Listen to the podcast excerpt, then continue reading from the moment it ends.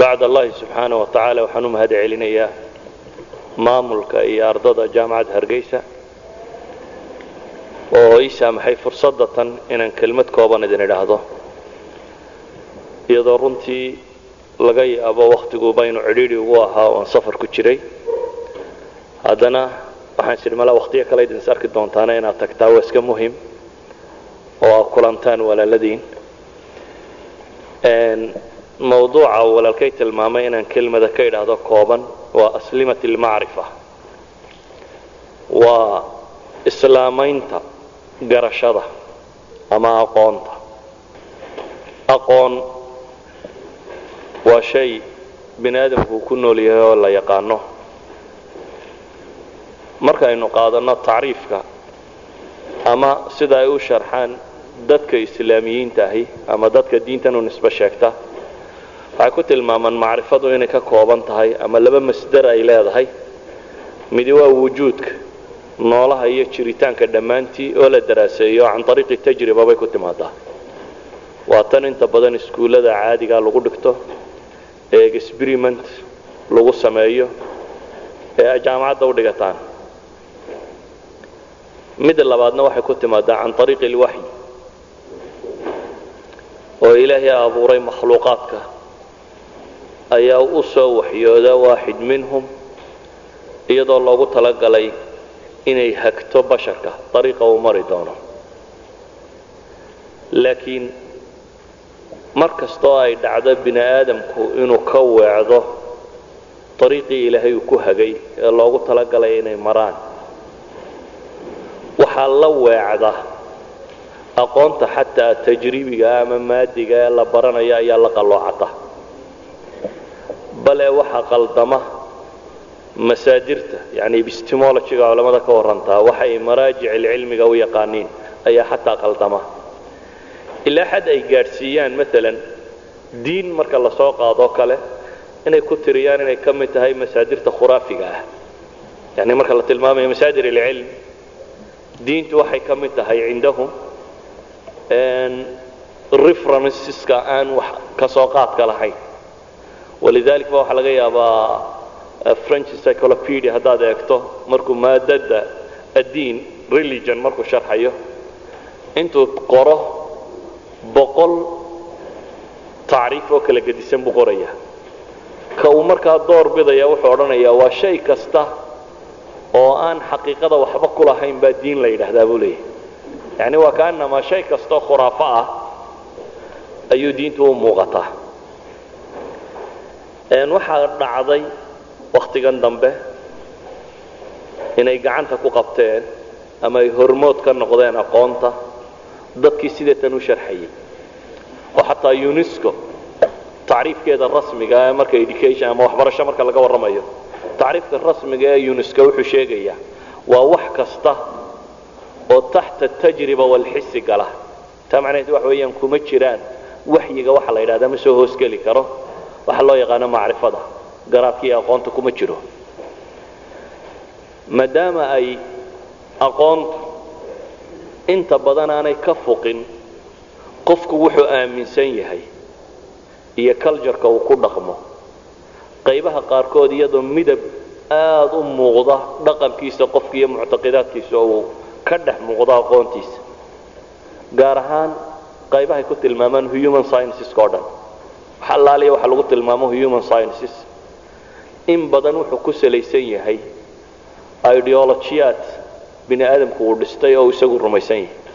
Waxyaabaha tajriibigaa ee iyaga marka laabka la geliyo ama fact noqda ama beenta noqda sida natural scienceska iyo wixii la nooca waxaa laga yaabaa inay aqalu iyagu ka yihiin inay ka dhib yar yihiin kuwa kale. Inkastoo iyaga laftooda khusuucbalaad badan ay jiraan saa awgeed baan waxaan isidhi kelmad ka dheh mawduuca aslimat almacrifa. In cilmiga la islaameeyo maaha inaynu gedinno cilmiga. Laakiin waxa weeyaan wixiisa xaqaana in xaqnimo loo arko. Waxaan sal lahaynna in loo arko inaanu sal lahayn. Waayo islaamku xaqana wuu sugaa. Wixii baaila amaan raad saxan lahaynna wuu buriyaa. Maanta dunida aqoon markay noqoto weliba aqoonta maadiga waxa hogaaminaya wastka nimanka reer galbeedkaa hogaaminaya fikriga qalbiga qarbiga ee dadkaasi ay hogaaminayaanna. Markii basharka kale ama ay addoonsadeen ama ay xoog u muquuniyeen ama ay u yimaadeen mawaaqif saddexoo bini aadamku istaagay. Dadka badhist islaam bay sameeyeen way isu dhiibeen oo wax allaaliya wixii loo sheegayba way qaateen. Dabeetana mar haddaad isi dhiibto waxa qura kuu furani waa inaad naqliso un inaad guuriso oo waxaas inaad soo koobiyeyso. Waxa ka ratibmaana waa tabaciya xadaariya. Ama waxa ka ratibmaa waxa weeyaan civilizationka ay ummadaasi leedahay inaad indhala-aan ula socoto oo sax iyo qaladba inaad raacdo. Dadka badhna waxay sameeyaan aragtitaa ka gedisan oo ah isticdaa inay la colloobaan. Haddaad la collowdo macnaheedu waxa weeyaan waa muxaaraba. Inaad tuurto. Taasina waa intixaar xadaariya yani nolosha wixii tajribe insaanku uu hayoo dhan inaad tidhahdo waa waxba kama jiraanna waa indhala-aan kale. Waa waa dumis iyana sida u taalla. Lakiin waxaan leenahay wasiilada saxa ahi waxay tahay. Inaynu tamyiiz samayn karno inaynu kala sooci karno. Xadaynu wax kala sooci karno inaynu gaadhno. Oo waxa cilmiya xaqa sidiisa loo qaadan karo la naqlin karo la baran karo la guurin karo. Waxa aan asalka raadka lahayn ama aan waafaqsanayn caqiidada iyo shareecadaad rumaysan tahayna in la reebi karo. Yani waxaan leenahay waxa loo yaqaano in xiwaar uu dhex maro xadaaraadka ama in doodi dhex mari karto xadaaradaha kala gedisan oo la kala qaadan karo waxa san waxa xunna la radin karo. Cidda laga rabo markaa booskan inay buuxisaa waa idinka iyo inta la mid ah. Inta wax idiin dhigta iyo intiina wax baranaysa iyo inta kale intellectualka uu dadku leeyahy inta badani dadka waa caamo laakiin fieldkan inta u xidhxidhatay yani ninka askarigii wuxuu u xidhxidhan yahay waddanka inuu xuduuddiisa daafacayo inuu dadka ilaaliyo. Adiguna waxaad u xidhxidhantahay waddanka inaad khuraafana ka ilaaliso wixii xaqan aad u soo rarto. Idan waa mawqac khatara mawqac uu taagan yahay ardayga muslimka ama caalimka muslimka ama aalibulcilmi muslimka. Waayo oo qof laga rabo wixii ummadda horumar ugu jiro inuu soo raro oo uu soo guriyo uu barto ku dadaalo. Waa qof laga rabo wixii aan xaqiiqo ahayn inuu ka tago. Ummadda muslimiintiina ka guud ahaan waxayn leenahay markii reer galbeedka xadaaradiisani horu martay kulamadii koowaadee dhex mara wuxuu ku noqday sadma. Waxaanay filaynin unba ku soo baxay. Saa daraaddeed waxaa dhacay zalzalat ilmawaaqic baynu leenahay dadkii oo kalsoonidii ka luntay dhaqankii culjarkii diintii wuxuu haystay kalsoonidu ku qabay ka luntay. Bal eh mabda uu rumaysnaa laga yaabo qafasulitihaam inuu galo oo wax questionable oo isagun la isweydiiyo muxuu islaamku waxa u sameeyey? Kaa maxaa u dhacday? Kaase sax miyuy isagu uu noqdo waxa questionableka ee had iyo goor wax la iska weydiinaya inuu noqdo. Taasina waxay sababtaa dadka markaa caynkaas ku dhacdo inhizaam daakhili inuu dadku psychologically jabo nafsiyan uu u jabo oo uu isdhiibo marxaladaasi waxay sababta inay bataan maadaama oo dadku uu diyaar garoobay liqubuuli lbadiil bedelka kale in la aqbalo. In irsaaliyaadku ay tiro bataan cidda la diraya ay tiro badato mu'asasaadka sidoodiinu inta loo soo raro caalamulislaami la geeyo siday uga jirtay london ama new york uga dhisnayd aragtiday ku salaysnayd bookskay ku salaysnayd falsafaday ku salaysnayd iyo sideediyo inta la qaado in meel kale laga soo dejiyo in la taageerto namadka ama qaabka galbeedku uu socdo dhammaantii waa marxaladdii isticmaariga ahayd baan odhan karnaa. Mujtamacu marxalad labaad buu galay islaamiga markaynu isku wada darno oo ah marxalo muwaajaha. Bal waxaan in harbala dib loogu sameyo in dib loo shaandheeyo in dib wax loo akriyo in dib muwaasana loo sameeyo. Marxalo saddexaad buu galay baynu leenahay haddana oo ah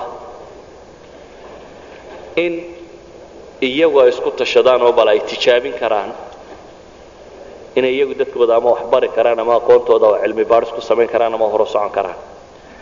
Waxa mawduucayga kani markaasi uu ku saabsanaan doonaa isagoo si kooban aan u soo bandhigi doono aqoontan iyo sidaynu u rabno inay islaamowdo markaan leeyahay inay islaamowdo maalan dadkii muslimiintii hore. Islaamnimada iyo aqoontu may kala baxsanayn. Taasi waxaa keentay maalan salaad ayaa la tukan jiray. Culammadii fiqiga ee salaada dhigi jirtay waxay u baahdeen inay taxdiidin karaan qibladu meeshay ka xigto.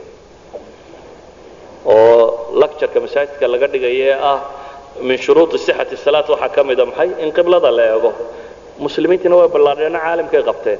In la taxdiidin karaa maki markaa waxay u baahatay fanni dhan oo ah kharaa'id iyo maabab iyo jugraphy iyo in astronomy la barto iyo in xidiga lagu calaamadiyo iyo jiheeyaal in la sameeyo. Oldis waxay develop gareeyeen muslimiintu iyagoo muctaqad ka duulaya iyagoo raba inay xadidaan xaggu u tukan lahaa ninka afghanistan degani ama ninka morocco degani iyagoo raba xaj baa ku waajibhaa dadka muslimiinta ah. Xajku wuxuu qofku rabay inuu helo ninka xaajiga ahi. Aslam ariiq uu maro. Ariiq biyo leh oo waddo fiicana oo aan buur lahayn oo bahallada ka weecsan idan waxay u baahatay inuu jugraafi qofku keeno. In la garan karo caalamka iyo waddooyinka maro oo dhan. Waddooyinka biyaal iyo kuwaan biyaal ahayn kuwa buurta iyo kuwaan buurta ahayn kuwa bannaan iyo meelaha fiican. Idan waxani wuxuu dhalay baynu leenahay inay xataa scientifically u fakeri karaan mujtamacii fiqiga dhigaya masaajidka jooga waxaan leenahay maanta waxaynu u baahanay marka inaynu cilmiga kharbala dambe dib ugu samayno. Oo aynu garanno laba shay waxyiga oo ka koowaada. Waxyiga oo ka koowaada.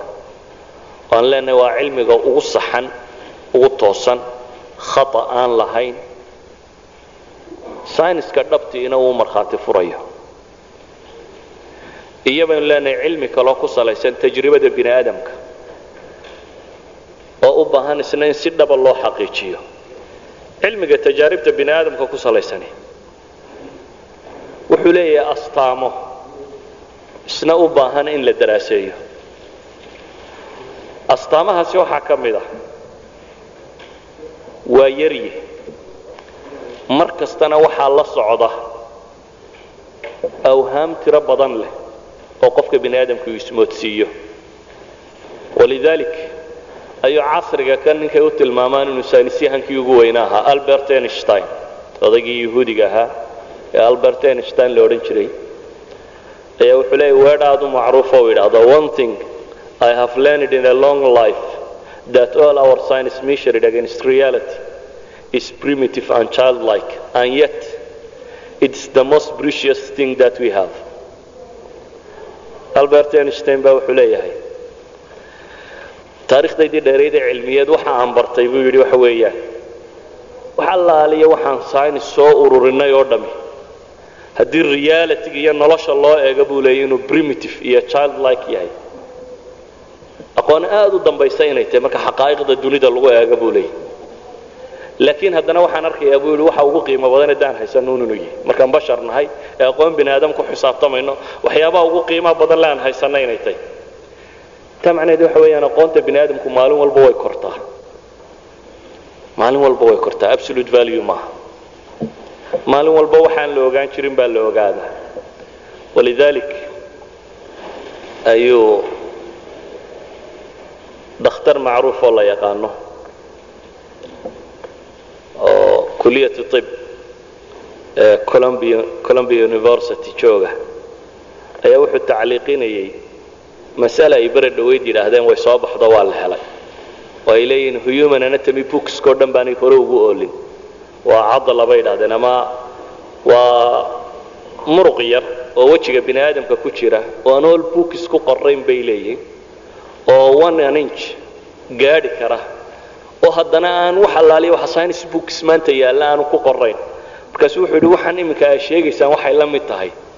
Nin la yidhi buu yidhi maroodi ayaa sitting roomkaaga fadhiyo weligaana maad arag. Waa la dhaafayso yani waa waxa bini aadamku adag buu leeya inaan masaladan aqbalaa waa maroodi sitting roomka fadhiya buu leeya haddana uuna aad soo dhaafayay maalin kastoo aan kuu muuqanin. Waxaan leenahay waxaas waxay muujinayaan basharinimada iyo bini aadamku mahmaa uu aqoontiisu tatawurto xadka ay gaadhayso. Waxaan leenahay waxaynu u baahanay inaynu kala saarro aqoonta marka. Cidda kala saari lahaydna waxaan arkayaa idinka iyo in idin dhiganta inay tahy oo in si dhaba u daraasayno inaynu ka reebno waxyaabaha aan scientifica ahayne la daba dhigay. Waan odhan karnaa qaarkood waa forgeries xataa saynis yahanadu sameeyaan maalan amila basiita baan idin siinaya saddex tusaaloo iska fudud oo darwinismka ku salaysan. Yani fikradda darwinismka la yidhaha waa fikrad macruuf oo la wada garanayo. Charles darwin charles robert darwin ninkii la odhan jiray iyo bookskiisii uu qoray iyo aragtidii evolutionka sheegaysay bini aadamku inuu soo tatawuray ama noolahoo dhammiba inuu evolution ku soo dhacay. Aragtidaasoo maanta laga yaabo saynis dunida ugu badan inay rumaysayn inaanay asal lahayn laakiin kama warramayo asal la'aanteeda iyo asalkeeda lakiin waxaan ka warramayaa bini aadamku markuu wax rumeeyo sida ugu daliil doono ugu raadceeyo waxaa jirta sawir baa jira madxafka ingiriiska ooli jiray british museumka oo la odhan jiray piltdown man piltdown waa tuulo yaroo ingiriis ku taalla sawirkaasi madxafka ingiriiska wuxuu yaallay afartan sannadood sawirkaasi intuu meesha tan yaallay waxaa laga diyaariyey in ka badan shan boqol oo doctorate tasisah tasis la qoray oo dictoraa shan boqol oo nin ka badan baa dictooro ku qaatay. Waxaa loo daliishanayay sawirkaasi dhammaantii inuu yahay bicture saxa oo tilmaamaya inuu bini aadamku soo tatawuray laakiin mar qurun bay nasiib darro kale soo baxday waxaa la yidhaahdaa kii ayaa nin tabiib oo macruufa oo charles dawson la odhan jiray oo ahaa hiwaayana u lahaa cilmi lmutaxajiraat pelanthropologist ahaa. Ayaa wuxuu sameeyey wuxuu sheegay inuu god qoday oo uu ka helay fossilis ama inuu ka helay hadhaa lafaah hadhaagaa lafa ahi. Wuxuu ka kooban yahay daan iyo madax iyo ilko daanka ku rakiban. Dabeetana waxaa iska jira nimankan rasaamiinta iyo markii la qiyaasay qofka madaxiisu intan leekaa daankiisu intan leekaa suuraddiisu siday u ekaan lahayd waa la sawiray waxaa la sawiray sawir sheegaya bini aadam iyo daayeer dhexdii. Qof daayarnimadii ka soo kobacay oo bini aadamnimadii ku soo socda oo madaxa timo jilicsan ku leh oo intan sare oo bini aadam uga soo eg laakiin daamanka iyo inta tan weli ka sii ah. Daayeer weli ka sii ah. Markay jamjamadii intii la baadhbaadhay waxay yidhaahdeen wuxuu jiray around half a million year old bay yidhahdeen weeyaan shan boqoloo sannadood ayaa lagu qiyaasay bay yidhi inuu jiro. Dabeetana madxafyadii baa la dhigay. Waxay idhaahdeen waa absolute proof for human evolution ayuu yahay. Ford years baa sida lagu waday. Waxay idhaahdaan waa tacaaliiqda la sudhay de waxaad ka garan kartaa meesha shan boqol oo dictooraa lagu diyaariyey in bahalkan lagu qaato iyo siduu tatawuray iyo nooca uu soo baxay inta juhdiya awood gashay waa kii lahaa henry felfid osbron odaygii haysan jiray oo isaguna qiso kaloo macruufa lean sheegi doono oo evolutionista maraykana museumka new york hayn jiray. Ayaa yimi bay dhahay kii london markaasuu eegay. Markaasuu wuxuu lahaa waxa kani? Waxay caddaynaysaa buu yidhi in weli mufaaraqaat paradoxes inuu najerku noo hayo oo maalin walba waxa cajiiba ay soo baxayso. Masaladii sidaa loo waday oo afartan sannadood sidaa la rumaysan yahay ayuunbaa wuxuu fasalkaasi ku biiray. Qayb la rabay in lagu tijaabiyo fallorin testkii yaraa berigu soo baxay. Fallorin testku waa in la qiyaaso shaygan ama lafaha kan. Inta fallorine ku jirta oo loo daliishado markaa intii sarawaadee uu bahalka kani asna kenneth ocley ninka la yidhaahdo group wato ayaa loo diray inuu sameeyo fallorin test. Kenneth ocley markuu sameeyey fallorin testkii waxaanu filayn baa soo baxay. Strange bay noqotay. Waxaa soo baxday daanka gebigiisaba inaan wax fallorini ku jirin.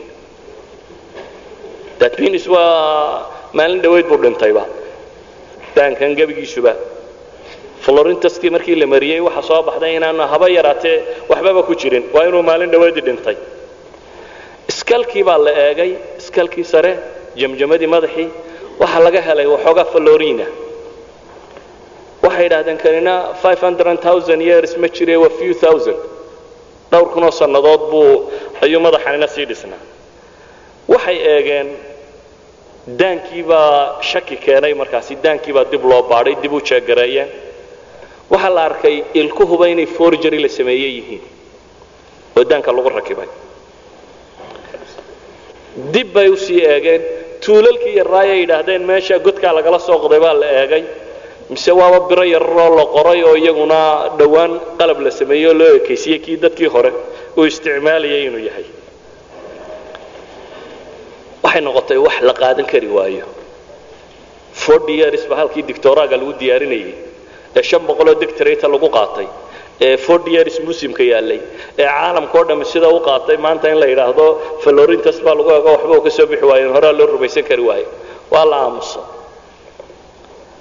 waxay noqotay haddana in baadhis dambe loogu celiyo. Viner nin la odhan jiray iyo group wata la yidhi warbalkan dib ha loo baadho.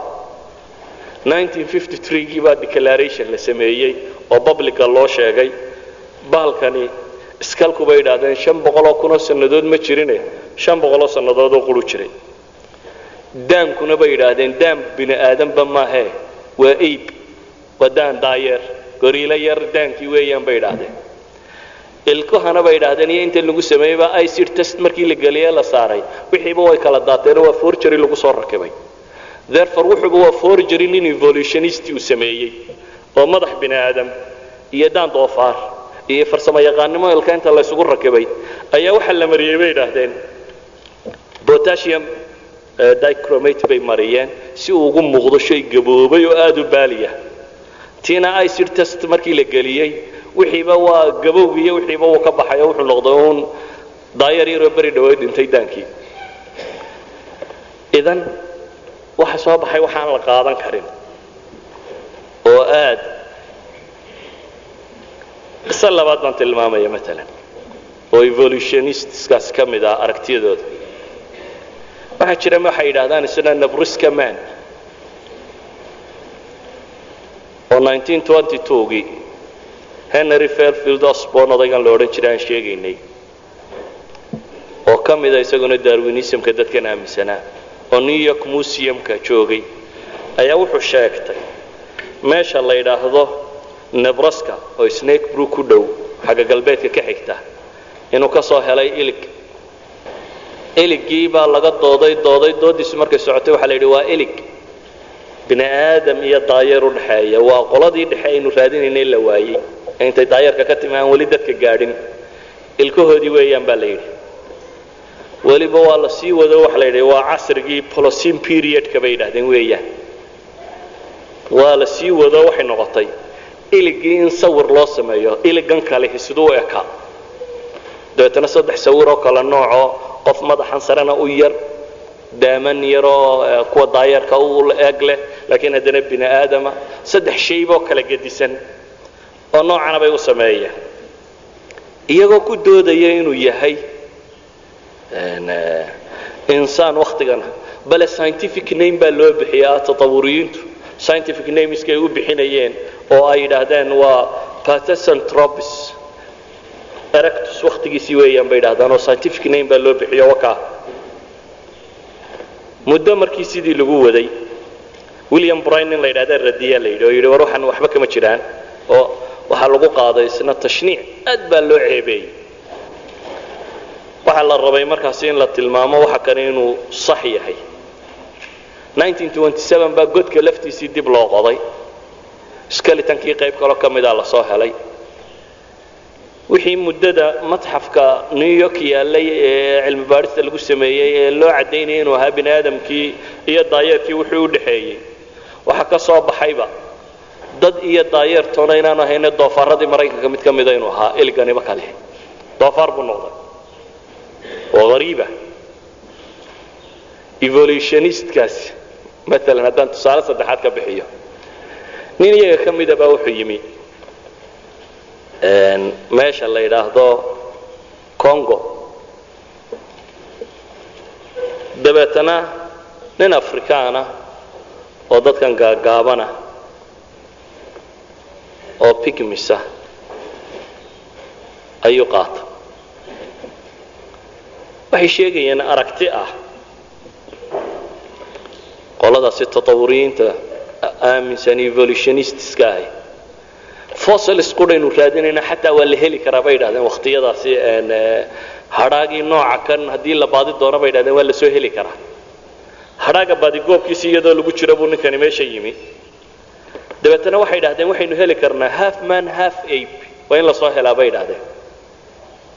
Nin ka mid ah oo tabenga oday yaroo la yidhaahdo xaas iyo laba carruura leh ayuu qabtay. Mid iyaga ka midi. Cage buu ku riday. Qafis yaroo xayawaan baa lagu riday. Waa la dhoofiyey. New york baa la geeyey. Waa kii new york baa la geeyey. Museum baa la dhigay. Lectures baa laga bixiyey. Waxaa la yidhi waxaanu soo hellay mid daayeerkiina ka yimid dadkiina aan soo gaadhin. Waa xabad bigmisa midhi yar oo ah dadkan gaagaaban mid ah oo konga konga waa taqaanin in dad gaagaaban iyo dad daadheer bay leeyihiin labada qaybood bay u kala qaybsamaan. Dabeetana waxay noqotayba in macradada lagu soo bandhigo. St louis world fair meesha la yidhahda lagu soo bandhigi jiray. Isagoo waxoogaa shambazi iyo gorilayaale la soo raaciyey. Waa nin afrikaanoo yaroo gaaban oo dhowr daayeerna la socoto. Oo la leeyahay nooca kani? Waa noocay caynkaasa noocanina waa kii ka dambeeyey. Kanina waa markuu soo tatawuray uu insaanka ku dhowaa otambingo se otabenga ninkan la odhan jiray sidii loola dhaqmayay mucaamalo baa lagu sameeyey dabeetana zuga la dhigay zuga new york buu yaallay isagoo ka mid ah abiska qayb ka mida isagoo ah. Muddo markay noocan ula macaamulayeenna suicide buu sameeyey wuu isdilay bay yidhaahdaan muddo markii noocan loola macaamilaya waxaan oo dhammi maxay ahayd? Waa wax la aamino la rabay in la bruuf gareeyo wax la aaminay oo scientifically khuraafo ah. Ilaa maanta silabasyada dunida jaamacaadka waxaan oo dhan waa lagu dhigaa. Iyadoo maanta la leeyahay field science ka midii ma jiro ilaa iyo evolution wuu burinaya. Mathematiciansku way buriyaan. Oo physicska kuwa daraaseeya way buriyaan. Oo kuwa chemistryga way buriyaan. Haddaynu u baahanno maalin baynu gaarkeeda uga warrami. Any field science ka midii wuu burinaya evolutionist theory. Maantana waxaad moodaa dunidu in in badan ay ka xorooday. Maalan miaal basiitaan siinaya sanawaadkii ugu dambeeyey maraykanka ilaa laba boqol oo munaadara la sameeyey laba boqol oo doodood baa jaamacadka maraykanka lagu qabtay wati yar wakhti yar gudihii. Oo ay doodayaan saynis yahanada u doodayo evolutionist iyo saynis yahanada creationka u doodayo le waxaana kama jira. Labada boqoloo goorba waxaa la jebiyey qoladii evolutionistka ahayd. Waayo waxaan ahayn wax jiraan ahayn. Miaalkan maxaan u soo qaatay misaalkan waxaan u soo qaatay wax badan baa jira. Oo academically laysu dhigo oo weli jaamacadka ooyna dunida la yaqaaniyo waxaan oo dhan ah oo aan loo dhigin as history. Haddii la dhigayo yani taariikhdii cilmigu uu soo marayo marka waxa la rumaysnaa hadday tahay waa gaar. Aan loo dhigin as history loo dhigo as fact scientific facts inay yihiin oo aan xaqiiqo lahayn. Idan qofka muslimkii wuxuu u baahan yahay bay leenahay aslimat almacrifa waxaynu u baahannahay inaynu kala saari karno wax xaqa iyo waxa baatilka ah. Can ariiq alcilmi lagu kala saari karo waxaynu kaloo u baahanay inaad si fiican aynu inooga dhaadhacdo mabaadi'da diiniga ee dadka muslimiintii ay rumaysan yihiin ama ay caqiidaysan yihiin waayo taas baa waxay fudaydinaysaa. Qofku hadduu diintiisa si fiican wax uga garanayo waxay fudaydinaysaa. In uu absolute valuega ka horaysiiyo adilada kale. Oo qawaacida waxyaabaha birimogoysiga ee qur'aan iyo xadiid ay sheegeen ee min asamaa ka yimi ilaahay caalamkan oo dhan iyo basharkaba garanaya uu sheegay inuu noqdo bayska uu qofka muslimkii wax ku dulbinaynayo scienceska iyo muctaqadaadkiisa iyo waxaan uu baadhayo uu ku dulbinaynayo. Midna ogsoonow abid hadday xaqiiqadu cilmi tahay iskama hor imanayaan. Ma jirto. Waxa la yidhaha waa xaqiiqa cilmiya. Iyo nusuus sariixoo diinadoo iska hor iman karaa ma jiro. Waayo xaqiiqada cilmigii waa iktishaafun waa kownkan inaad iktishaftay ilaahay kownka sameeyeyna inuu wax qaldan marka horeba kuu sheegaa waxaan macquul ahayn idan waa qasab ama adaa fahamkaagu qaldayay naskan sidaad u fahamtay ama waxaanaad scientific proofka moodaysaan scientific proof ahayn. Laakiin waa qasab labadan inay isu markhaati furaan. In wixii tajribe ee laga sameeyey kownka kan iyo wixii ilaahay soo dejiyey uu ku warramay inay isu markhaati furaan ama the same direction ay u socdaan waa masale musallamaadka ka mid ah tanaaqud kastoo yimaadaa uun waa adiga iyo maskaxdaada. Tanaaqud kastoo aad aragto imaa waxaanaad xaqiiqada cilmiga u haysataan xaqiiqa cilmiga ahayn ama sidan aad wax u fahamtaan nasku wax u sheegaynin ee adigaa misunderstanding sameeyey waa labada midun laakiin macquul maaha inay labadoodu si dhaba isaga hor yimaadaan.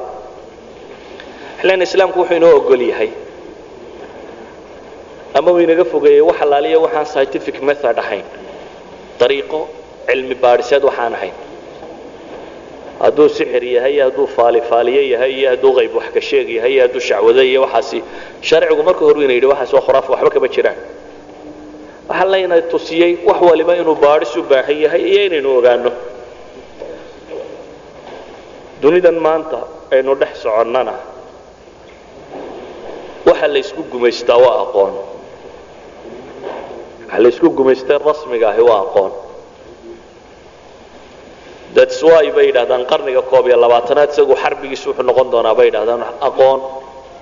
Walidalik baa maanta researcheska innaga waxaa laga yaabaa ama dunida saddexaad tacliinta iyo cilmi baadhista iyo waxa kan one percent waxaan ahayn dhaqaalaha ummadoo dhan in lagu bixiyo laakiin militariga iyo kuwa in lagu bixiyo boqolkiiba afartan ama boqolkiiba intaa. Iyadaan loo arkayo tacliintu inay wax liidato. Tahay while dunida ay cagsiga tahay oo maalan meelaha gigantic researcheska maalan ee balaayinta ku baxda ingiriisku keligii wuxuu leeyahay sagaal laakiin jabaan boqol bay keligeed leedahay. Iyadoo laga yaabo hantida badanka waxyaabaha ugu tirada badan lee investment lagu sameeya inuu kan yahay. Waxaan leenahay waxaynu u baahanay cuqusha idinka idinla mid ah iyo idinka in investmentka waddanka uu galo inuu noqdo waxa la rajaynaya inay mujtamaca kan wax ka bedeli karaan. Qadiyadda ka dambaysa taasaan iyana tilmaamaya waxa weeyaan. Aqoontiinu inay more practical noqoto ama aqoon ina anfacaysa inay noqoto. Mithaal basiitaan idin siinaya aqoonta waxay fiican tahay marka ay mujtamaca ay la nooshay wax tarayso. Maxaa wax loo bartaa horta? Soomaha inaad dadkaaga wax u qabato? Iyo noloshooda inaad tatawiriso waxaan inta badan noloshoodaba applicable ku ahayn haddaad dhigto ama barato waa iska taraf caqliya. Yani wax maskaxda ku raaxaysato laakiin ma aha wax applicable maalan engineeringkeennu wuxuu ahaa inuu ka fekero. Wareer guuraageenna kan see loo dejin karaa. Ama buulcawskoodan yar see loo horumarin karaa. Environmentkoodan see loogu ilaalin kari lahaayo wax yaroo awrka ku rarmo cawska ogaana aan noqonin geedahana loo reebo xoolaha see loo samayn karaa.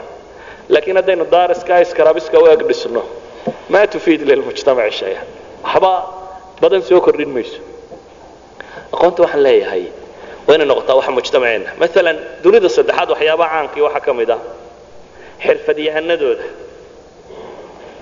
iyo aqoon-yahanadooda aqoon-yahanadooda badan waana qadiyad mackuusa maqluuban waxaa laga yaabaa waxaynu u baahnaan lahayn dhowr engineer oo civil building engineering yaqaana hargeysa o dhan la dhisay u baahnayd. Laakiin waxay u baahnayd maxay? How many technicians? Intaasoo qof oo farsamo yaqaana maanta waxaa laga yaabaa in injineerada civil building engineerski inay wastaadada ka badan yihiin. Waa qadiyad mackuusa waa ilay ahayd inay xagga kala badato oo dadku technolojiyadan iyo farsamo yaqaanadan si uu u socon karo waxaynu waxaa leeyahay markaasi hadday duruus cilmiya noqoto kolley waddanka waana ku soo noqonaya insha allahu in dadku kala faa'idaystana waa jeclay idinna inaan wax idinka kororsado anna waxaan kordhin karo inaan kordhiyo.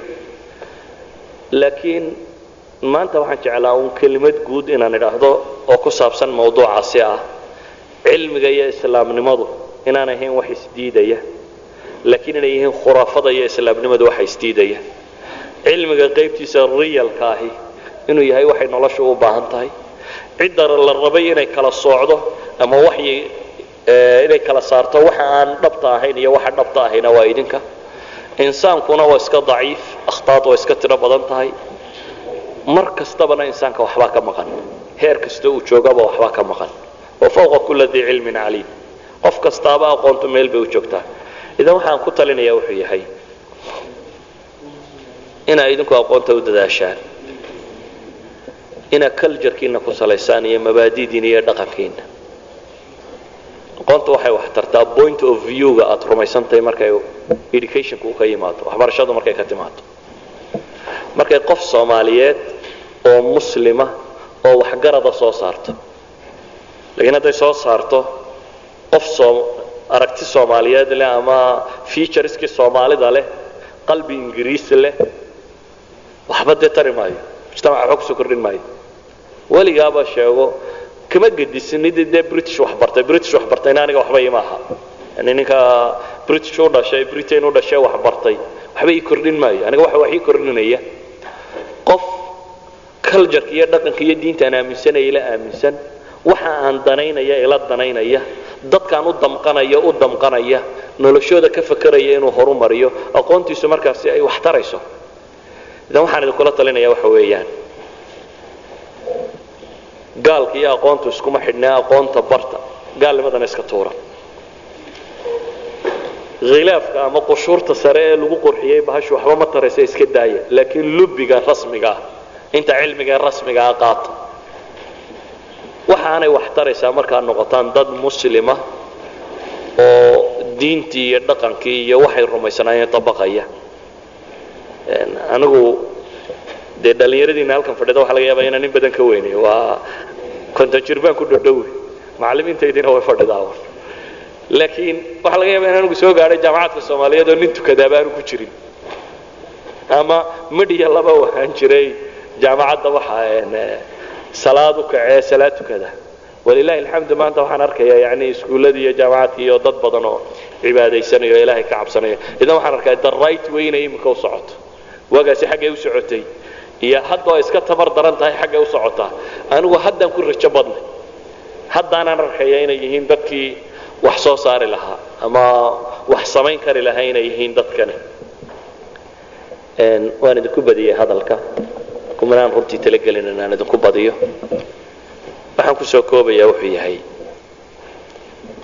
aqoontu mabaadi'daa rumaysantiin ha ka baxdo miaal basiitaan idin siinaya oo mabda iyo aqoontu say isugu xidhan yihiin. Xataa musطalaxaadka cilmiga ahi terminologyga xataa scientific ahi wuxuu ka tarjumaa dhaqamo ummadeed maalan saddex suuradoodoo baan tilmaamaya. Maanta erayada iclaamka ama jugraphiga ama waxaana la isticmaala maalan waxaa la isticmaalaa near east iyo far east iyo middle east baa maqashaan soo maha sharqil awsadkiibaa waxaas ka dhacay. Haddii bari iyo galbeed la sheegaya waa inuu point of reference jiraa burcaddee markaan jooga hargeysa waa galbeed. Laakiin maalin dhaweyd aan gabiilay tagay waxaan maqlayay iyagoo leh barigii cidima ka timi. Hargeysii sheegaya markaan barigii weydiiyey waxay gu yidhaahdeen waa waa hargeysa. Idan markaad bari iyo galbeed sheegayso waa in point of reference jira cid referenceka iska dhigaysa. Maadaama ay yurub iyadoo aqoontan hogaansanaysay london iyo baris waxay isaga keen dhigeen inay iyagu yihiin the center of the world. Therefore near eastku waa bariga iyaga u dhow. Middle eastkuna waa kan. Far eastkuna waa xaggee markaa. Waa indho yarta anoo jaamacad jooga oo af norwegi baranaya ayaa waxaanu class ku wada jirnay qolo gabadh ka macallimada jaamacadda lafteeda of jabanisiya wax dhigta. Deetana classkii baa la sheek sheekaystay waxaa la yidhi bal cid waliba dhaqamadiinna iyo aragtidiinna soo bandhiga. Islaantii professorda jaamacadda ka ahayd laakiin lectureka nala dhigata oo iyadoo qaybta afjabaniska iyo waxaa ku baxda wax ka dhigta ayaa hadashay. Markaa waxay sawirtay ilmaha yare jabaniiska ahi siduu dunida u arko maalan maabka maanta aad taqaaniin. Dee waxaynu haysanaa duniduna golobtay soo maaha laakiin educationally marka wax la dhiganayo maxaynu wax ku barannaa. Khariidad bilaynah bilayn maab baynu isticmaalnaa maab ballaadhan maabka ballaadhani siduu u sawiran yahay ma u fiirsatay. Wuxuu sawiran yahay xaggan galbeed oo maraykan ku yaallo halkan dhexoo africa iyo yurub ku taallo xagga bariya fogo asia ku taallo. Socanka uma sawira idan markaad sidaa u egto dee yurub waa almost dhexdii bay ku jirtaa. Hareeraha waxaa ka xigaana markaa waa bariya galbeedkii. Ilmaha yaree jabaniiskaa bay tidhi sidan looma baro. Waxaa loo baraabay tiroo la tusiyaa. Inay jabaan tahay the center of the world. Si taas looga dhaadhiciyo bay leedahay. Dee maabkani wuxuu ahaa bay leedahay golob yaroo caynkane halkii ay yurub ka dilaacisay annagu kama dilaacina meel kale aanu ka dilaacinaa bay leedahay markaanu kala bixinayno xaggee laga dilaacinaya markaa atlantic oceankaa laga dilaacinaya atlantic oceanka markaad ka dilaaciso afriki waa galbeedka halkii maraykanku ku dhacayay ku dhacaysa. Maraykan iyo maababkiisiina waxay ku jiraan bariga. Dee halkaas china iyo jaban iyo halkaasina waa center of the world markaa dunidii sida kale u taalla. Oo wuxun bay ku xidhnaydba warqadan yar halka midida lagaga jeexo haddaad xaggan midida kala jeexdo ka bixisana saan buu noqonaya xaggan. Maxaan uga jeedaa? Waxaa la rabaa ilmaha yar ee jabaniiska ee wax la barayo in culturekiisa iyo dadnimadiisa iyo dhaqankiisa loo buunbuuniyo inaanu inferiority complex qaadin. Dunida nin dacal yaroo cidifa xataa geographically baan la rabin in laga dhaadhiciyo. Koono yar inay iyagu dunida kaga yaalina in laga dhaadhiciya la rabaa inay the center of the world yihiin. Sidaa daraaddeed culamadii muslimiinta hore imika kutubtooda taariikhda markaad akhrido. Waxaa laga yaabaa in badan inaa musطalaxaadka fahmi weydaan ku qoran. Waayo iyaguna markay taariikhda qorayeen wakhtigoodii iyaga historians dunida u ahaa laakiin taarikhda wakhtigoodii markay qorayeen bookskooda historyga oo dhan markaad akhrido. Iyagu makay u arkaan inay tahay the center of the world. Scientificallyna maki dunida inta yaabisada ah waa markaskeeda waa centerkeeda. Geographically maanta taasaa loogi marka laga reebo inta badda ah inta yaabisada ah maka waa center laakiin iyagu maadaama ay qur'aankooda iyo waxyigooda haysteen meeshii islaamku ka faafayna ahaa waxay u arkayeen inay maki tahay maxay? The center of the world. Saa daraaddeed almaqrib markay ka warramayaan galbeedka galbeedku xagu ahaa. Dee morocco iyo meelaha north africa maqrib alcarabi markay ka warramayaan sharqiguna waa eeraan iyo meelahani ku taallo waadiga nahru jiixoon la yidhaahda afghanistan dhex mara maa waraa nahr baa la odhan jiray wixii ka dambeeya. Marka kutuba taarikh markaad akhrido atlantica wixii xaggan ka xiga waa maa waraa baxra dulumaadku ka dambeeya. Xaggan wixii ka xiga waadigaasina waxaa la yidhahdaa waa maa waraa nahr intaa ka dhaxaysana waxay u arkayeen inay yihiin intii centerka oo ay u tahay tani centerkii musطalaxaadka markaa haddaad akhrido oo aanad musطalaxaadkaasi fahamsanin inaad si fiicanba u garan baa laga yaabaa geographical positionska bugga kani uu ka warramayo historygan islaamiga. ah waxaan leenahay xataa markaa terminologyga ummadi ay isticmaasha ee scientific ahi. In badan wuxuu ku salaysay dhaqankoodi iyo fikradoodi iyo waxay rumaysnaayeen. Idan dunida maanta marka laynoo dhigayo taariikh oo dhan waxaa lagu dhigayaa maxay? Berigii koowaad ee dunidu dagaalantay berigii labaad ee dunidu dagaalantay. Yani ninka westka ahi markay iyagu dagaalamaan waa markii dunidu koowaad ee wada dagaalantay waa markii labaad ee wada dagaal. Waxaa laga yaabaa xarbi alkhaliij athaniya ciraaq markay qabsatay kuwait ee dagaalka lagu soo qaaday. Dagaalkaa ciraaq kuwa dagaalka lagu qaaday intii dawladooda ka qayb gashay iyo dagaalkii labaad ee dunida inta dawladooda ka qayb gashay inay ka ciraaq badan tahay laakiin ka ciraaq ma aha isagu dagaal adduunyo maaha ka dagaalka adduunkii waxa weeyaan kii ninka cadi u isdilayay yani white man centralismka rumaysnaa. In ninka cad wax walba lagu ururiyo erayadan markaan tilmaamaya macnaheedu maaha galbeedka cilmi ma jiro. Waxa weeyaan galbeedka aqoonta maadiga maanta dunida taalla iyaga gacanta ku haya taa muran kuma jiro. Waa xaqiiqa aan cidina dafiri karin. Waana ta loo baahanya in la soo naqliyo ama la soo guuriyo ama la bartay la keeno dadka muslimiinta ay helaan. Laakiin waxayn leenahay iyadoo shaadhkeeda gashan yaan la soo guurinayo iyadoo keligeed qaawan soo guuriya shaadh soomaaliyeedoo muslima sudha shaadh soomaaliyeedoo muslima u geliya laakiin iyadoo sudhan suudhkeeda sidata inama anfacayso iyadoo suudhkeeda sidata inama anfacayso waayo waxaan leenahay culture kale iyo dhaqan kale iyo diin kale ayay ku salaysantay oo ka soo kobacday. Oo ugu yaraan xataa musطalaxaadka iyo terminologyga la isticmaalaya waxaa ku salaysan. Idan waxaynu u baahannahay inaynu islaam garayno aqoonteenna inaynu kobocno inaynu garaad yeelannaa inaynu tamyiiz samayn karno. Wax kala caddayn karno. Dee taasina waxay ku imanaysaa in la helo dad wax tajribayn kara wax invent garayn kara wax ibdaacin kara. Dad aan aqoonta u aqoonin inay tahay inta lagu shubo. Yani oslo waa aan joogay jaamacadda norwegianka ayaa waxaan arkay. Semester zero bay dhigaan. Semester zerogooda shan book oo falsafada baa la dhigaa. War waxaan ninka aan aaminsanayn maxaa ugu dhigaysaa? Baan ku idhi waxaan ninka aan aaminsanayn. Ama ninka pure sciences raba inuu qaato. Maxaa ka galay philosophigan tirada badan le a ugu daalinaysaa? Wuxuu igu jawaabay dadka halkan jaamacadda yimaada buu yidhi maaha dadaan rabno intaan wax ku shubno inay sidaan. Ee waxaanu rabnaa inaanu dunida dadkii ibdaaca sameeye wax soo saaray iyo taariikhahoodii uga waranno. Si uu dareemo dad la mida inay ahaayeen oo isna uu mubdic noqon kara buu leeyahy yani qof invention isna yeelan kara wax soo saar yeelan kara wax soo saarku iyo qofku inuu tajribo wax mulaaxadeeya wax fog maaha. Maanta dunida wastka markaad tagto dadka wax soo saara waa da'diinaa un kama badna. Yaaba inaad adigu sidaad nin ciroobo oo caddaaday unbaa albert einsteinka laynagu waalay relativity kan soo saaray. Labaatan jir buu ahaa maalintuu intan isu geystay. Ee uu fahmay. Laakiin waxa weeyaan waxan buu siiyey wakti ogolaaday inuu dabagalo ogolaaday inuu baadho. Waxaan kelmadayda ku soo koobaya ma aha lagjaradii cilmiga ahaa ee u barateen. Mana aha wacdi diineed oo maxdiya oo aan nusuus shareecaha idiin akhriyay laakiin waxaan jeclay waxa dambe aynu isugu nimaadno inay muqadamo u noqoto.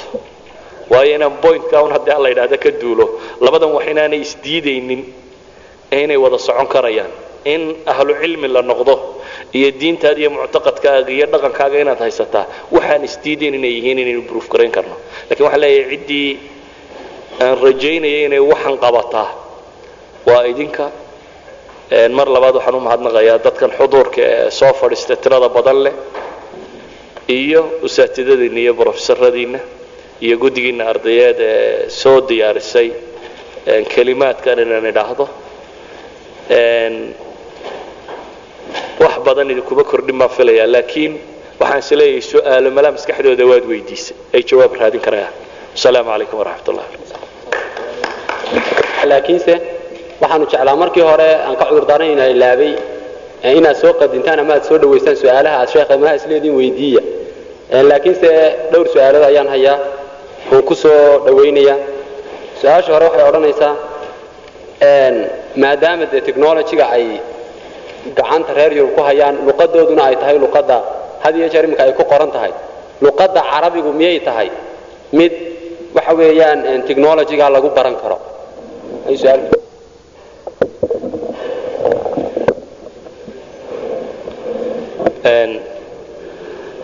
Luqadda carabiga ka luqa ahaan markaan u eegno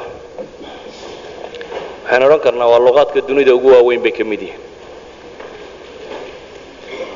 walidaalika waxaan odhan karnaa maalan luqa ingiriisi markaan dhinac dhigo. afka ingiriisiga ruutska oo dhan marka laysu geeyo waxay dhahdaan waa ilaa siddeed boqol oo ruut buu ka kooban yahay bay dhahdaan ruutiska daaye wuxuu dhaloo dhan marka lagu daro. Any dictionary ingiriisiya ma leeka qaamuus yaroo carbeed oo maalan lisaanulcarab oo kale. Waxay tilmaamaysaa si ay labada luqadood u kala ballaadhan yihiin marka la eego xagga flexibilityga luqadu sida ay u jajabayso afka carbeed waa luqada keliya ee hal kelmo laga samayn karo sentiniska aad doonaysoo dhami wuxuu u baahnaa yacni subject iyo object iyo verb iyo wuxoo dhami kelmad qudha bale kelmad daraba ayaa waxaad ka samayn kartaa maxay? Garaacistii iyo madruubkii kii la garaacay iyo daaribkii wax garaacayay iyo sifadii loo garaacay daraab inuu ahaayo inuu darba waaxida inuu garaacayay inta jeere la garaacay qaabka wax loo garaacay meesha lagu garaacay intaba kelmaddanoo quran ka karaa. Kama suurtagalaha luqada ingiriisi inaad intaa ka jejabiso inaad hal kelmad ka wada jejabiso intana luqada tansiska marka la eego luqada carbeed waxaa laga yaabaa inay ficil maadiya mudaaric ka kooban tahay wixii la rabana lagu gudan karo. Waail tan kale laga yaabo lix iyo wixii ka badan inaad u tilmaami karto. Ka luqa ahaan markaan u eego markaa labada luqo isuma dhowa aad bay u kala fog yihiin yani carabigu wuxuu ka mid yahay luqaadka bini aadamku maanta dunida ku korhayo luqaadka ugu waaweyn. Markaan imaado su'aasha ay weydiiseen ee ah technology. Cilmi kasta ummaduhu inta ugu badan le waxay ku bartaan afkooda. Afkiisa markuu qofku si fiican wax ugu bartaanu si fiican wax u tatawurin karaa. Taasi waxay sababtaa maanta maalan hool yurub isku dar dee nin waliba afkiisa ku dhiga norwegiyo afar milyan oo qof weeyaan waxna somaliland bay damala leegihiin waa afar milyan.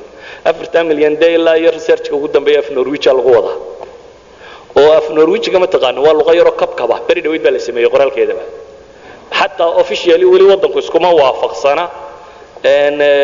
Qaabkeeda saa daraaddeed ba laba qaab loo kala sameeyo labaduba official yihiin oo labaduba idaacadda ka baxaan oo labaduba laba qaab oo la kala dhigta ay tahay. Iyadoo itaalkaalo laba qaab oo la kala dhigto caynkaasiya ayay haddana tahay ta wax lagu dhigo. From jaban ka soo bilow ilaa halka u dambaysa dunida cid waliba afkeeda wax ku dhigta. Laakiin haddana waxa ah xaqiiqo lagama guuraan ah maanta aqoonta basharka ee ugu badan ee technolojiya waxaan ku saabsanay afka ingiriisi inuu ku qoran yahay. Iyana waa xaqiiqo laba dhaafaan ah. Laba sababoodba. Iyagoo ah kuwii hogaaminayay oo dee maraykan iyo marka la eego dawladda ugu weyne dunida maanta la odhan karo aqoon iyo dhaqaal iyo askar iyo intanba colaadda ha dambayso aynu colnay laakiin waxaasoo dhan way hogaaminaysa muran kama taagnaa iyo mid labaadoo ah inay hayaan dhaqaale xataa any other book meel kale lagu qoro af kale lagu qoro la translate garayn karo. Markiiba baxi kastoo jarmal ku soo baxa ama denmarkis ku soo baxa ama jabanis ku soo baxa. Isagoo ingiriis yana waad helaysaa so simple. Marka waxaan uga jeedaa baaxith rasmiya kama maarmo af ingiriisi maanta. Waa xaqiiqo. Researcher rasmiya waxaad doonayso research garee maanta. Waxay ka mid tahay waxyaaba aan laga maarmin. Laakiin taa macnaheedu maaha afafka kale inaan wax lagu dhigi karin. Waa ka baxa su'aasha labaad ee halkan lagu soo qadimay waxay odhanaysaa ka waran haddii aan aan waxbarasho u doonto waddamada kale ee matalan waddamada reer yurub muxuu islaamku ka qabaa sideesan uga badbaadi karaa dhaqamada isoo waajahaya? Waxaan ku siin karaa waa tala bixin. Waxbarasho meel kasta waa laga baran karaa. Weliba markay tahay waxbarashada maadiga ah meel kasta waa laga baran karaa. Laakiin qofka bini aadamka waa inay priorities u kala leedahay. Inta aad ka helayso cid waxa aad u baahantahay ku siin karaa. Cultureka iyo diinta iyo dhaqankaad rumaysantahayna rumaysan waxaa priority mudan inaad isaga ka qaadato. Haddii taa la waayo dee qofku wuxuu ku qasbay inuu cidda kale ka qaato. Bishart inaad dhisantahay laakiin. Inaad dhisantahay maxaan uga jeedaa? Galbeedka qofka ku nool.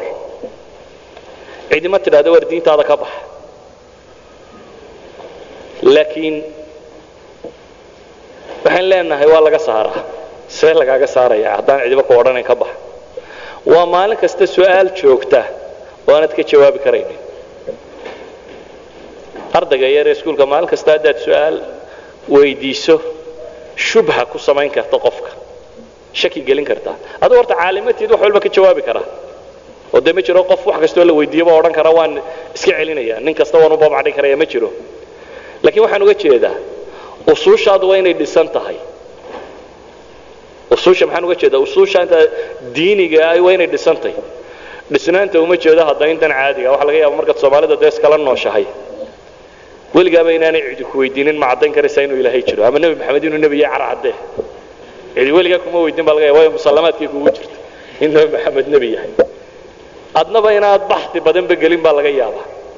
Laakiin markay noqoto su'aasha koowaad saad u caddayn karaysaa in ninkaa carbeed uu nebi ahaa lagu yidhaahdo oo nimaan aaminsanayn oo halkaa ay ka taagantay uu ku weydiiyo. Oo su'aashiisu ay kugu badato oo maalinta dambe wax u dhigma lagu weydiiyo. Oo saa dambe lagu weydiiyo horta maxaad maka ka eegtaan maad meelaha kaleba u jeesatid. Maalin walba wuxun baad tidhahdo xaggii qibladu xigtaay maad meelaha kale isaga jeesatid. Bisha ramadaan maxaad u soontaa maad ogspace ka soontid. Bishan unaan la garanayno maalin kasta la odhanayo way dhalatiyo may dhalan. Waa questions baa laga yaaba anad weligaa isweydiin adigu intaad halkan joogto laakiin maalintay kaa hor timaado asaanad waxbaba hore akhrinin waxbana eegin. Dee uun inaad aamusto iyo war hayla hadina inaad tidhaahdo iyo inaad raacdo waxba kaba dhexeeyaan labadaa midna kuma anfacdo. War hayla hadlinana ku anfici mayso. Inaad dhuumataana ku anfici mayso. Marka waxaan ku soo koobaya hadday dani ku baddo oo aad meel kale wax ka weyday oo ay dani ku baddo inaad iyaga wax ka qaadato waa inaad tahay qof musallamaadkiisii diimeed si fiican u garanaya. War haddii kale waxaad haysataad ku khasaaraysaa waxba ha doonanin. Asalaamu calaykum su'aal kale ayaa waxay odhanaysaa dadka soomaaliyeed ama bulshada dhallinyarta ahi waxay badidoodu rumaysan yihiin inaanay habboonayn in digrii lagu qaato diinta ama waxyaalaha faniyada diinta wax ka mid ah. Haddaba sidee fikraddaa looga saari karaa bulshada ayuu ardayga leeyahy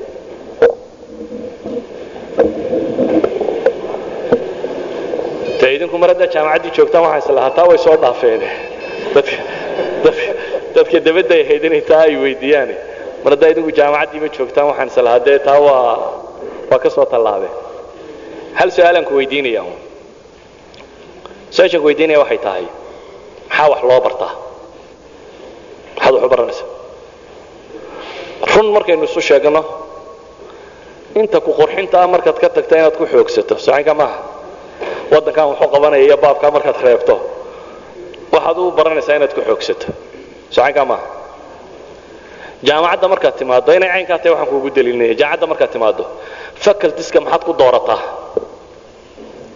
Facultkaad gelayso soomaalida horta waa caada iska leedoo dee jaamacaadka yurubaan arkay intay tagaan buu wuxuu yidhaa un waar hebel horta adigu xaggaad ku jirta. Wallahi anu physics baan iska wada. Adiguna chemistry. Wartalo chemistryga ama dhigtaa un bay dhahan intay yimaadaan dabeetana chemistrygiisu iska gala. Isagoo aan damba ka lahayn. Hadhowna shahaadadu qaataa una iska tagaa laakiin inta ugu badan leh dadku bini aadamku markuu faculty qaadanayo wuxuu ku xisaabtamaa market valuega uu leeyahay iyo shaqada lagu helayay haddii maanta la yidhaahdo historyga haddii la barto dee markaa qalinjabisaanba shaqo waa la waayaya cabdi haybe waxaa odhan doontaa nagu wada qor facultkaasi inta kale dooni mayne facultka historyga waayo waxaad wax ku qiimaynaysay. Su'aashan markaa ku weydiinaya waxa weyaan qofka muslimkii muxuu wax ku qiimeeyaa?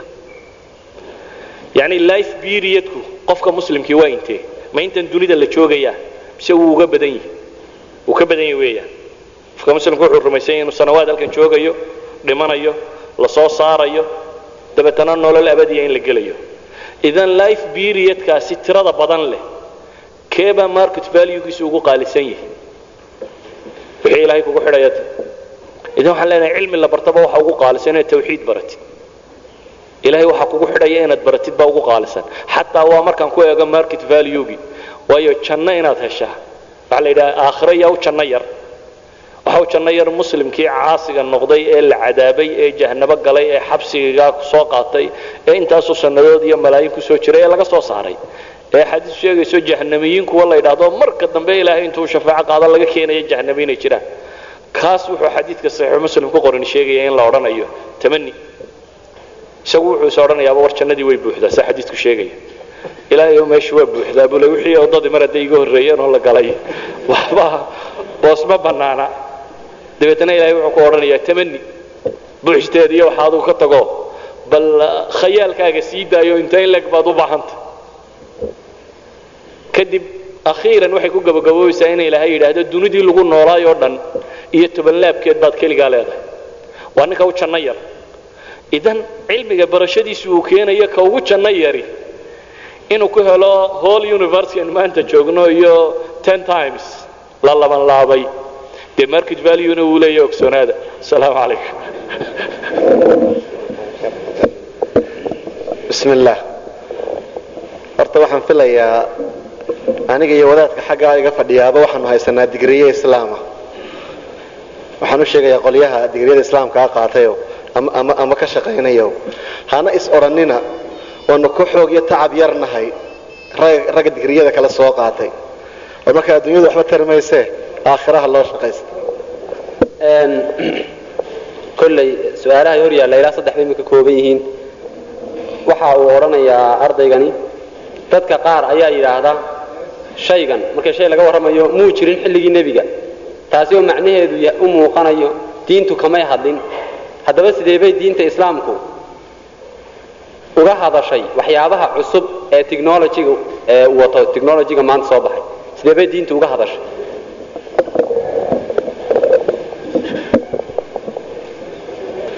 jawaab koobani waxay tahay diintu. Qofka bini aadamka ah waxna caqligiisa ayuu ku garanayaa waxna caqligiisu ma koobo. Waxa bini aadamku uu caqligiisa ku garanayo muranba kama yimaado. Waxaase aan si saxa loo garanaynin muranka ka yimaada. Maalan natural sciencesku ma kale leh buddhism iyo hinduism iyo jewish iyo christian ma kale leh. Haddii qaacidadaasi mathematicska ama physicska uu soo saaray nin buddhist iyo hadduu soo saaray nin christian iyo hadduu nin muslim soo saaray isku qaacidin weeyaan isku waxbay sheegaysaa. Waayo laab iyo tajribay gashay. Markay ka soo baxdayna way caddaatay. Idan xaqaa'iqda la yskuma khilaafo waxa biliifkii la rumaysanya wuxuu doonaya ha kala ahaadee waxa aan sidaa tanjabulka u ahayn waa waxa nadariyaadka cilmiga inta badan ay ku salaysan yihiin. Sharci qaanuun dowladnimo dhaqaale taariikh waxaasi oo dhammi waxaa in badan ay la midab noqdaan. Dadku wuxuu rumaysan yahay caqligiisa xagga dambe ku jira. Waxaynu leenahay waa qaybta ay diintu hagto. Diintu waxay hagtaa waxa aan insaanku natiijo saxa ka gaadhaynin. Qofka bini aadamkana uu ka qaalisan yahay wax la tajribeeyo. Yani waxa un wax lagu tajribeeyo maalinba mabda lagu eego uu ka qaalisan yahay idan ilaahay intaynan waxba badan ka garanaynin. Dalika alkitaabu laa rayba fiih hudan lilmuttaqiin baa ilahay yidhi. Inuu hanuun noqdaa loogu talagalay basharka uu noqdo. Idan diintu wixii usuul ah ee basharku uu u baahan yahay ee ama ilaahay lagu caabudo ama iimaan ka warramaya ama janno ka warramaya ama aakhiro ka warramaya ama qaanuun ka warramaya ama usuushaasi oo dhamme waa rigid waxaana ka timi samada. Ilaahay baana nebi maxamed u soo dhiibay wixii ziyaade loola yimaadana waa bidca. Wixii la yidhi eega oo ilahay wuxuu yidhi fasiiruu fi lard dhulka socda. Oo fanduruu baa la yidhi ha iska soconina fiiriya oo wax daraaseeya wax barta wixii laynidhi bartana dee waxaynu ka keenno. Idan diintu umay soo degin inay chemistryga inoo dhigtay inay physicska inoo dhigtay adigaa lagu yidhi caqligaaga ku baro oo soco chemistryga iyo physicska laakiin usushii nolosha ee ilaahay kugu xidhi lahayd bay diintu ka hadashaa. Idan diintu ziyaado ma aqbasho waa bidca waxa lagu kordhiya ama waxa la yidhi barta dee waa wixii uu nebigu yidhi antum aclamu biumuuri dunyaakum ee sheegayay ta'biiru nakhl geedkii timirta ee uu yidhi ma iskaba daysaan maxaa ka taltallaalaysaan ay yidhahdeen saani uma dhalayso oo iska dee nebiga hadduu sheegay iska daaya bay is yidhahdeen markay dhali weydayna sannadkii dambe u yimaadeen waxay dhahdeen rasuulkiisiyo dee timirtii dhali weydi. Wuxuu ku yidhi waar idinka adduunyada iga yaqaane hadday dee taltallaal wax idinku dhalayaan ku wata. Idan wixii tallaalis u baahan iyo aqoon bini aadam u baahan adaa lagu wakiishay oo lagu yidhi baro. Laakiin diintu waxa ay ka hadasho ibtidaaca ma aqbasho wax dambeoo ka daba kordhaa ma jiraan ee waa intii uu nebi maxamed ka tegay salawaatu ullahi wasalaamu calayh. Laba su'aalood ayaa inoo hadhay markaa kolley waxaanu leenahay intii badnaydba waa soo sabirteene sabra. Waxa odhanayaa ardaygani fadiilat shaykh carabigay ku qoran tahay maada taquuluun can aladiina yaquuluun? Ina alurubiyiin hum akaru taqaduman ruma ana alculamaa alqudamaa waasaasu lcilmi kana carabiyan maxaa odhanaysaan dadka odhanaya reer yurubkaa horu maray iyadoo cilmiga iyo asaaskiisii hore waa carabi ah horta carabi ahaada lafteeda kuguma waafaqsani. Lakiin waxaan kugu waafaqsanay uu muslim ahaa. Cilmiga ciddii tatwiirisay carab qura ma ahayne muslimiin baa ahay lakiin luqa carabeed buu ku qornaa min bukhaare laga soo bilaabo iyo bariga fog. Ilaa iyo laga gaadhayo morocco. Inta ka dhexle ilaa iyo morocco maxaanu gaadhsiinaya ilaa yurub andalus laga gaadhayo inta ka dhexle muslimkii joogay baa tatawuriyay ilaa moscow hoosteeda. Viana dacalkeeda ay muslimiintu ka soo noqdeen. Muslimka intaa degaanadee carab ma wada ahayn. Laakiin carabtu waxay ka ahaayeen hormuud. Dadkaasi yani dadka ugu hormuudsan ayay ka mid ahaayeen. Marka weedhaan waan saxayaaye waxaad tidhaahdaa af carabu ku qorraa ama dhe ama muslim baa hogaaminayay muslimku inuu mar hogaaminayey muran kuma jiro. Dee in iminka laga badiyeyna muran kuma jiro. Ilaa inaynu muranno maaha haddana wixii scientific material waa laga badiyey oo muran uma baahna. Laakiin waxaynu leenahay waa tallaabo laga daba tegi karee maaha tallaabo quusa. Yacni basharku inaad tidhaha yurub baa horumarto aan dib loo war jabaan iyo eeshiyadan iyo dhulkani. Maalin dhowayd bay ahaayeen dad aan waxba garanaynin oo rumaysanaa inuu nin ilaahu yahay. Gii buu boqorkoodu saxeexay inuu ilaahnimadii ka daadegay gii ayuu saxeexay oo ogolaaday inuu ilaahnimada ka daadegay bashar dhan oo meel iska fadhfadhiyo nin ilaahu haysta bay ahaayeen maantana technologyga dunida waa kuwa la baratabaya waxaan oga jeedaa nin walbana sagaal bilood baa lagu dhalay cilmiguna cid gaara uma xidhnee waa ciddii xil iska saarta unbaa hesha cid kastoo xil iska saartaana waa heli kartaa asalaamu calaykum su'aasha ugu dambaysa waxay odhanaysaa socodka qoraxda manaa inay qoraxdu socoto iyo fikradda juquraafigu ka qabo sidee la isu waafajin karaa qoraxdu cilmiga sayniska inay socoto wuu qabaa. Dhulkuna inuu socdo wuu qabaa. Qur'aankuna waxaa ku qoran inay cadceedu socoto. Dee labadiiba socod bay sheegayaan ee adiga nadariyaadkii qadiimkaah ee waxbaa taaganaha rumaysan. Basiid ma tahay marka? Haddaan idhaha scientifically way socotaa. Ama binisbati ilayna waa laga yaabaa inaad su'aashana ka warramayso xaggeenna ma yay socotaa mise ma socoto? Horta nadariyaadkan fysigiska ee ku saabsiisan cosmeticska iyo qaabka loo sawirayo inkastoo ay jiraan qaar preferable oo lagu dhigo jaamacaadka iyo dhulka akademiga ah laakiin nadariyaad badan baa jira. Maalan nadariyaadka qaar baa waxay tilmaamayaan cadceeddu inay socoto dhulkuna inuu socdo laakiin cadceedduna inaysan sidhi wal u socoto awal waxaynu rumaysnayn dhulku inuu sidee ugu wareego cadceedda maalan waxaanu rumaysanaa cadceedduna inay halka taagantay dhulkuna isaan ugu wareego socanka maaha. Nadariyaadka qaar baa waxay qabaan waa sensidual sidan uguma wareege cadceedda lafteedaaba ordaysa markaa dhulku halkan buu ka maraya laakiin iyadoo socoto marka kalena xaggan ka soo maraya. Labadii seerkal sida electricityga marka laydin dhigayso lama dhaa waa sensidual yacni labada seerkal iskuma beegna ee waa laba kala nooca soo maaha nadariyaadka fysigiska qaar baa qaban caynka inay jirto nadariyaadka fysigiska maalan waxaa jira nin masriya oo kii publish gareeyey maqaalaad lagu soo saaray ururka mathematicianska ee maraykanka oo isku dayaya inuu bruuf gareeyo aragtidii cobornicase hore sheegaysay dhulkuna inuu iska joogo cadceedduna inay wareegto oo mathematically cidi disbruuf garayn kari weyday wuxuu sheegay oo deetana la publish gareeyey looma qaadan academically in la dhigo laakiin haddana mathematically wuu bruuf gareeyey waana la disbruuf garayn kari waayo wuxuu sheegay. Waxaan uga jeedaa nadariyaadka cilmiga way iska tiro badan yihiin laakiin cumuuman hadda waxaan muran ka joogin ama galaxiga ha raacaysa cadceedu ama keligeed ha ordaysaa meeshay doonta ha xiimaysa waa ordaysaa. Socankaa maaha nadariyale meel bay qotontaay oo weligeed may dhaqaaqin ma jirto. Qur'aankuna inay socotaa unbuu sheegay. Intaa mar haddaynu isku waafaqsannay dee wixii ka dambeeya waa cilmi baadhise gala. Asalaamu calaykum